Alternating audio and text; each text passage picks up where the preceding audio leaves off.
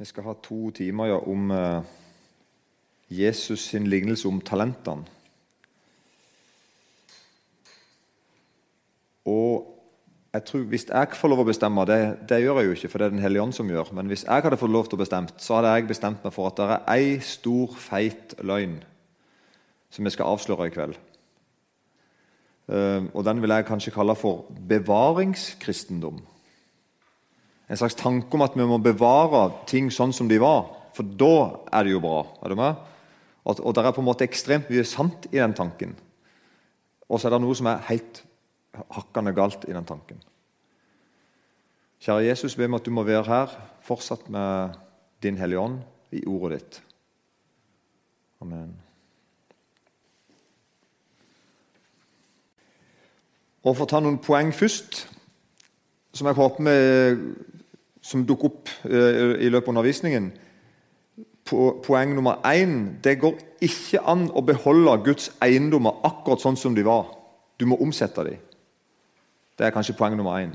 Det går altså ikke an å ta Guds sine eiendommer, Guds sine gaver og eiendommer og tenke at nå skal jeg bevare dem akkurat som jeg fikk dem. Det går ikke an. Du må omsette dem. Og nummer to, Det går ikke an å sette gudsforholdet sitt i en safe. Eller Vi er ikke satt til å bevare Gud og hans gave. Vi er altså ikke satt til å bevare Gud og hans gaver, men vi er satt til å tilbe, forkynne og praktisere. Og hermetisert kristendom er ikke levende gudstro. Hermetisert kristendom er ikke levende gudstro. Så det håper jeg at I løpet av undervisningen så får vi litt eh, kjøtt på beinet på de påstandene. Vi går bare rett på i Matteus 25, Matteus kapittel 25 og vers 14. Der forteller Jesus en lignelse og sier For det er som en mann som var i ferd med å dra utenlands. Han kalte til seg tjenerne sine og overlot de eiendommen sin. Til én ga han fem talenter, til en annen to, til en tredje én talent. Hver av dem ettersom de hadde evne til. Så dro han utenlands. Han som hadde fått fem talenter, gikk straks bort og drev handel med dem og tjente fem til. Han som hadde fått to, gjorde det samme og tjente to til. Men han som hadde fått den ene talenten, gikk bort og gravde i jorden og gjemte sin herres penger. Etter lang tid kom så disse tjenernes herre og holdt regnskap med dem. Da kom han frem som hadde fått de fem talentene. Han, ga, han, hadde med seg fem talenter til og sa, 'Herre, du ga meg fem talenter. Se, jeg har tjent fem talenter til.' Hans herre sa til ham, 'Vel gjort, du gode og tro tjener. Du har vært tro over lite. Jeg vil sette deg over meget. Gå inn til din herres glede.' Og Så kom han fram som hadde fått de to talentene, og sa, 'Herre, du ga meg to talenter. Se, jeg har tjent to talenter til.' Og Hans herre sa til ham, Vel gjort, du gode og tro tjener. Du har vært tro over lite, jeg vil sette deg over meget. Gå inn til din Herres glede. Men så, men også han kom fram, som hadde fått den ene talenten. Og han sa, 'Herre, jeg visste at du er en hard mann, som høster der du ikke sådde, og sanker hvor du ikke strødde. Derfor ble jeg redd. Jeg gikk og gjemte talenten din i jorden. Se, her har du ditt.' Men Hans Herre svarte og sa til ham, du onde og late tjener. Du visste at jeg høster der jeg ikke sådde, og sanker hvor jeg ikke strødde. Da burde du ha overlatt pengene mine til utlånerne, så hadde jeg fått mitt, mitt igjen med renter når jeg kom. Ta derfor fra ham talenten, og gi den til ham som har de ti talentene. For hver den som har, til ham skal det bli gitt, og han skal ha overflod. Men den som ikke har, skal bli fratatt selv det han har. Og Så slutter lignelsen sånn. Og kast den unyttige tjeneren ut i mørket utenfor. Der skal de gråte og skjære tenner. Enorm alvorlig slutt. Og Når Jesus gjør dette her og taler i lignelser, så er, tenker, kan vi ofte tenke sånn at lignelse er på en måte at Jesus forenkler budskapet, men lignelser er egentlig det helt motsatte. Når Jesus fortalte en lignelse, så skjedde egentlig det helt motsatte. Det var ikke en forenkling av budskapet. Og kan høre, kan, Vi kan høre sjøl hva Jesus sier om sin egen forkynnelse. For Jesus sier sjøl dette. her. Disiplene reagerer på Jesus eh, flere ganger. og I Matteus 13 er en av de gangene. Der kommer disiplene til Jesus i Matteus 13 vers 10 og reagerer på måten Jesus forkynner på. For det de ser, er at nå begynner Jesus å miste, miste folket. Fram til da hadde Jesus samla store mengder, altså tusenvis. Og han gikk for å være en veldig god taler. Bedre enn alle de andre, liksom. Og Så skjer det en vending i kapittel 13 i Matteus, da, der plutselig Jesus begynner å forkynne på en ny måte. Og Han gjør det mye, står det. Han talte mye til dem i lignelser. Og Disiplene blir på en måte frustrert og sier hvorfor gjør du dette. her? Det, er, det kan være jeg tillegger det litt, da. men det, det ligger litt i underteksten. på en måte. Ser du ikke hva du gjør? Du, du, måtte, du, du blir ikke populær nå. Og Det er fordi at Jesus nå gjør noe som han gjør med alle kristne. Alle mennesker, mener jeg. Og også når et menneske skal møte Jesus. At kan være, Mange kan være fascinert av Jesus. Sant? Å høre om hvor god han er, hvor kjærlig han er. At han helbreder og går på vann og gjør under og tar imot alle. og sånn. Hvis så tenker alle at Jesus det var en fin fyr. Og Så blir du kjent med Jesus og kjenner du ja, han var fin. Men på et eller annet tidspunkt så begynner Jesus liksom å ta plass i livet ditt. Vil du merke det?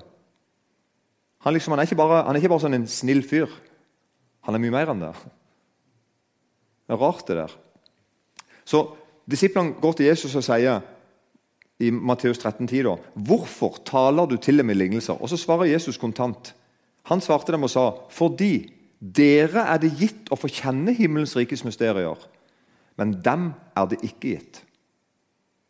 Dramatisk. Og så fortsetter han, som sier det samme her som han sier nå, som jeg akkurat las i lignelsen om talentene. 'For den som har, til han skal det bli gitt, og han skal ha overflod.' 'Men den som ikke har, skal bli fratatt endog det han har.' I Lukas står det han skal bli fratatt det han tror han har. Altså, det er egentlig bare en innbilning. Noen tror de har noe. Og I møte med Jesus er det noen som ser at jeg trodde jeg hadde noe, men nå mister jeg til meg det jeg trodde jeg hadde. Mens du som har noe, du får mer. Du får overflod. Derfor, sier Jesus videre da, derfor taler jeg til med lignelser. For de ser, og likevel ser de ikke. De hører, og likevel hører de ikke og forstår ikke. På dem blir Jesaja profeti oppfylt, som sier dere skal høre og høre, men ikke forstå, se og se, men ikke skjelne. For dette folks hjerte er blitt sløvt, og med ørene hører de tungt, og sine øyne har de lukket til, så de ikke skal se med øynene eller høre med ørene og forstå med hjertet, og omvende seg, så jeg kunne få lege dem. Men dere, salige er deres øyne fordi de ser, og deres øre fordi de hører. Her er dramatisk. Og så en NB her nå, Disse her de og dere Jesus snakker om her nå. ikke sant? Han snakker liksom om det er noen som er innafor og noen som er utafor. Si? Det er noen, ja, Hvem er de? De der to gruppene Jesus snakker om her. Sant? Det er tydelig Jesus sier det er noen som har, og de skal få mer. Og så er det noen som ikke har, og de skal til og med miste det de trodde de hadde. Fordi de er sløve til høyre, og de vil ikke omvende seg. Ikke sant? Og Hvem er de der deg og dere? De der ute og vi her inne. Hvem er de der to gruppene? Og Vi tenker som regel sånn. Det er veldig veldig vanlig å tenke sånn. Og Det er ikke sånn 100% feil å tenke det jeg skal si heller nå, men det er, sånn, men det er feil. Men ja, du kan dømme sjøl. De der utenfor de der som hører og hører, men ikke ser og, og, og forstår. De, de, som, eh, de, utenfor. Sånn tenker vi da. Det er de som ikke går på møter, som ikke hører til i en menighet, som ikke på en måte er aktive og som ikke kaller seg kristne. Det er de der utenfor. Og De der innenfor det er jo det motsatte. Da. Det er jo vi som går på møter, og hører forkynnelse, leser Bibelen, hører til en menighet, er aktive kristne. Kanskje gi en slant misjon av og til. Ikke sant? Og som kaller seg kristne. Sånn tenker vi at vi vil dele de to gruppene. Ikke sant? Så vi, vi her inne, vi som sitter her inne og hører på, vi er innafor. Og så er det, da, er det de der der ute. da, Det er de som hører. Men det, du hører jo, det, det, det stemmer jo ikke. Vi, du, vi hører det jo rent logisk når du leser teksten. Det stemmer jo ikke. De som ikke ser, selv om de ser og ser. De som ikke hører, selv om de hører og hører. Og de som er blitt fått sløve i hjertet så ikke de hører mer. det er jo blant de som går på møte, og som er i en menighet, og som kaller seg kristne. Du ikke ser den? For det, det, det, går, det, går, ikke an å si om en som ikke hører, at han hører og hører, men forstår ikke. Nei, han hører jo ikke. Så Jesus tar her nå, så snakker han kun til du som hører på nå. Glem alle de andre. Nå er det deg det gjelder. Nå er det oss. Det er ikke de der ute. Det er vi her inne. Så sier Jesus at blant de som hører, så er det noen som hører og hører, men de hører egentlig ikke likevel. De ser og ser, men de skjelner ikke. Og De har fått et hjerte som er sløvt å høre. Og Jesus sier et grunn til at det er et sløvt hjerte. det er at du vil, du vil ikke omvende deg. Du vil ikke på en måte bøye deg for Jesus sine ord. Så det er det på en måte som er den store sånn skillet her. Og Dette vi snakker om nå, dette er ord til alle Jesus sine venner. Også til ledere og forkynnere, sånne som meg, og til lærere, og til pastorer og prester. Dette må vi være klar over. At Jesus' sin forkynnelse setter skille blant de som hører, blant de som ser. Og Da er det altså sånn at de som har Du som har, du får mer. Du får overflod. Så det flyter helt over hos deg. Og du som ikke har, du mista til med det du trodde du hadde.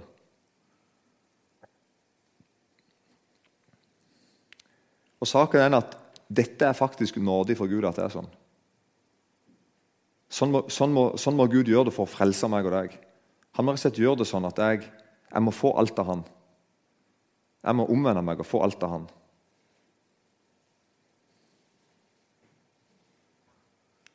Så derfor, som i mye, ja, Det meste av Jesus' sin forkynnelse som vi leser i Nytestamentet, da taler Jesus til de som står og hører på. Det er sjelden at Jesus taler til de som ikke står og hører på. Han gjør det noen ganger og snakker om dem. Det skjer, det skjer noen ganger, altså, nødvendigvis. Men som regel når Jesus forkynner, så forkynner han til de som hører på. Og Det er i denne flokken, da, når Jesus forkynner nå, at han ser at det er et skille. Når Jesus står og snakker til de som sier at ja, vi vil høre på deg, så sier Jesus blant dere som vil høre på meg, så er det et skille. De som ikke hører, altså de som ikke vil høre, de som ikke de er ikke med i fortellingen. Og Jesus begynte som sagt å, å, å forkynne lignelser etter å ha vært offisiell forkynner veldig lenge. Og Det begynte å spisse seg til rundt ham. Begynte, Jesus begynte på en måte å ta plass, om du kan si det. er et ord å si. Altså Jesus var ikke lenger bare sånn interessant og hyggelig og snill og, og, og, og sånn wow-faktor. Du hørte veldig mye sånn rykter om han, og du kjente noen som hadde blitt helbreda. Det var mye sånn etter hvert så forsto du at han her påstår å være noen ting. Han påstår å være Gud sjøl, han påstår å være Messias. Han, eh, ja, han begynner å ta plass. Og det som egentlig da skjer, at Jesus' sin forkynnelse blir egentlig mer intim. At han begynner å snakke mer og mer til sine, sånn at de som hører han til, blir mer og mer glad i han og mer og mer kjent med han.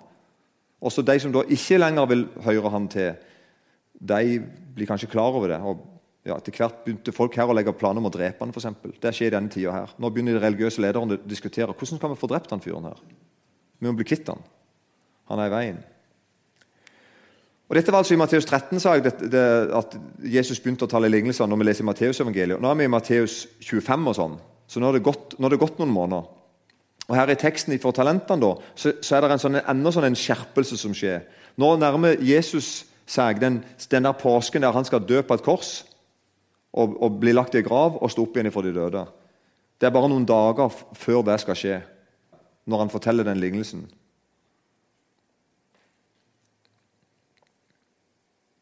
Og nå kanskje no, Mer enn noen gang før så begynner Jesus å fortelle og snakke om på en måte, skal si det viktigste. Ikke det at Jesus har sagt noe som ikke er viktig, men når det nærmer seg slutten, så begynner Jesus å være enda mer tydelig på en del ting.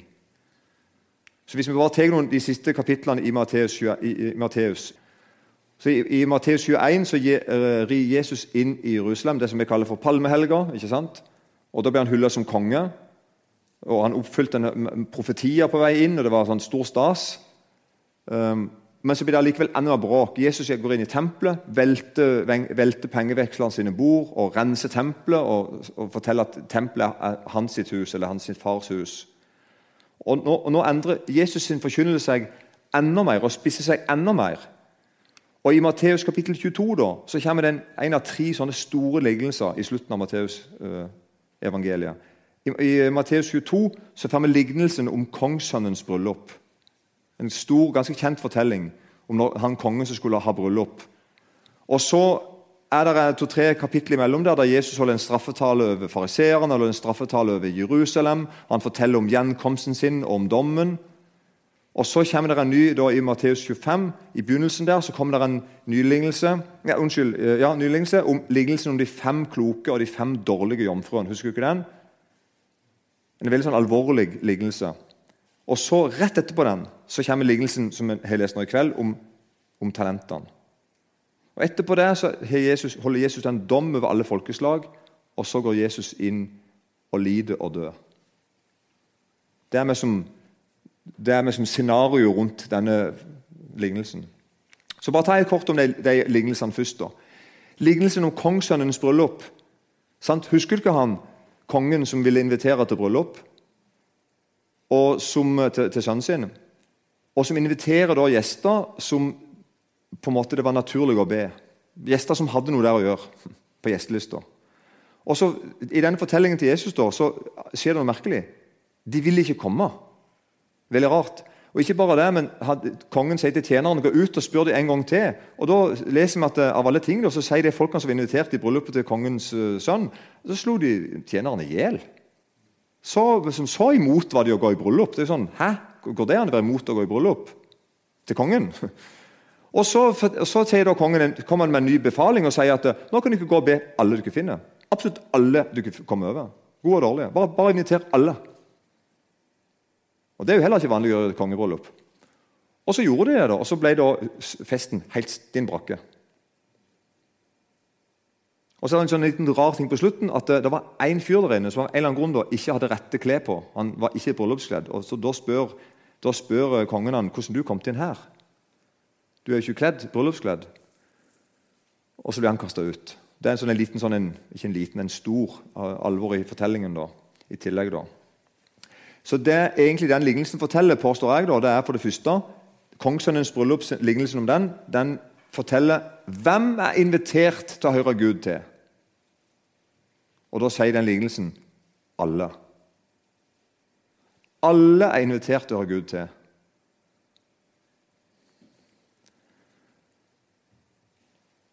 Og så nummer to på hvilken måte kan jeg få fellesskap med Gud? Altså kommer til. Hvordan, hvordan kan jeg få fellesskap med Gud? Jo, at du bare tar imot en invitasjon om at du er velkommen i et bryllup som du ikke fortjener å komme i. Og Når du kommer i bryllupet, så får du til med bryllupsklær, så du kommer til å ha rette klær på deg. Hvis du bare, hvis du bare går den veien, om det omkledningsrommet, og tar på deg de rette klærne, så er du velkommen i festen.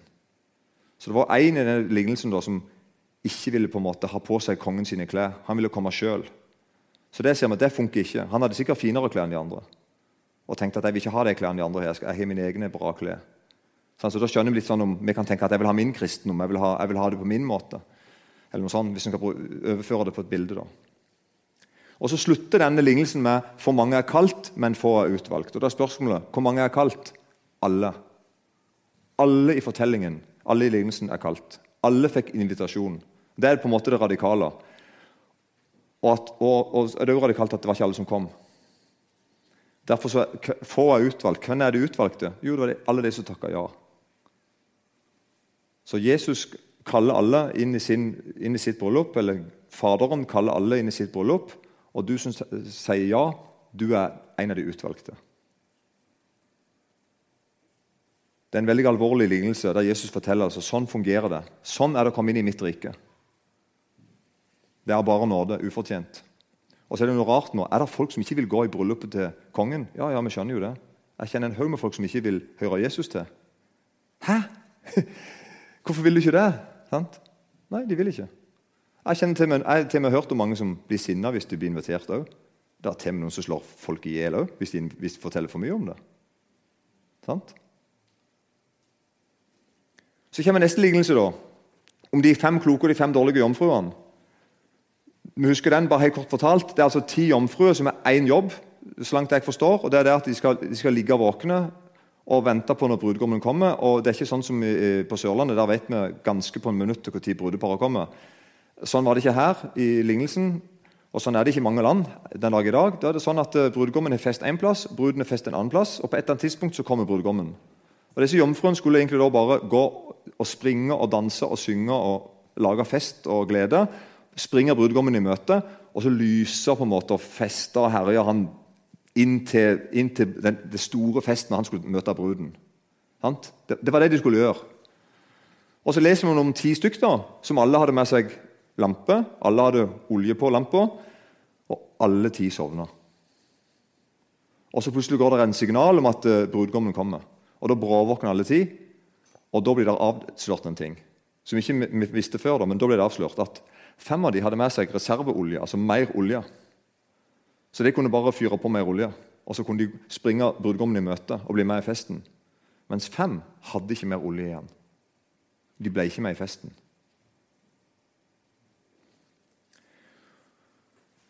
Og da lærer vi altså det, Denne lignelsen lærer oss at vi må være klar når brudgommen kommer.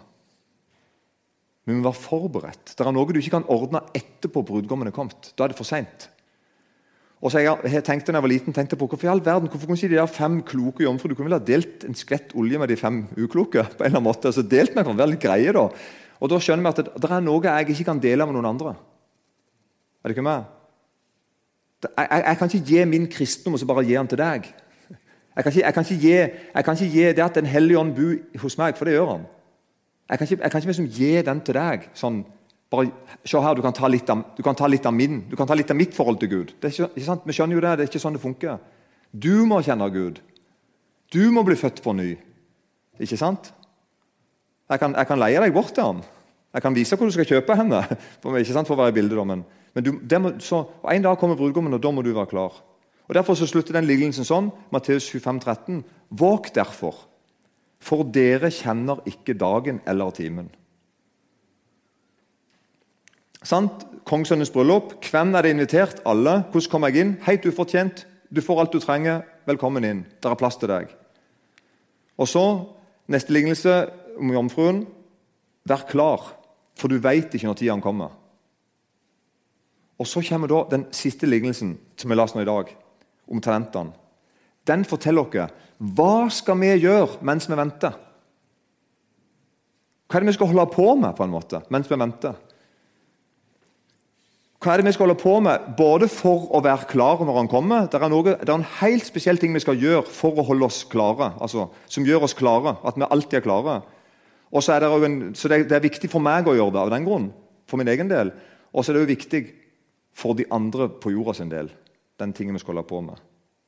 Og Alvoret i denne lignelsen er faktisk ikke bare sånn at det, du som ikke blir med her, som, det var dumt for deg, liksom, at det var litt kjipt. eller sånn. Nei, Alvoret Jesus legger i potten her i denne fortellingen, er at de som ikke får tak i dette her, de som ikke gjør det, gjør det de skal med disse talentene som Jesus har gitt meg og deg, da, da slutter lignelsen sånn. Og kast den unyttige tjeneren ut i mørket utenfor. Der skal de gråte og skjære tenner. Så det er alvoret Jesus legger inn. Dette er ikke sånn for spesielt interesserte. liksom. Det, gjelder livet mitt, og ditt det gjelder evigheten vår. Og ikke minst evigheten til noen andre.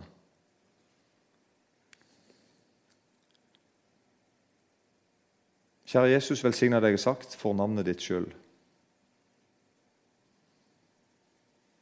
Amen.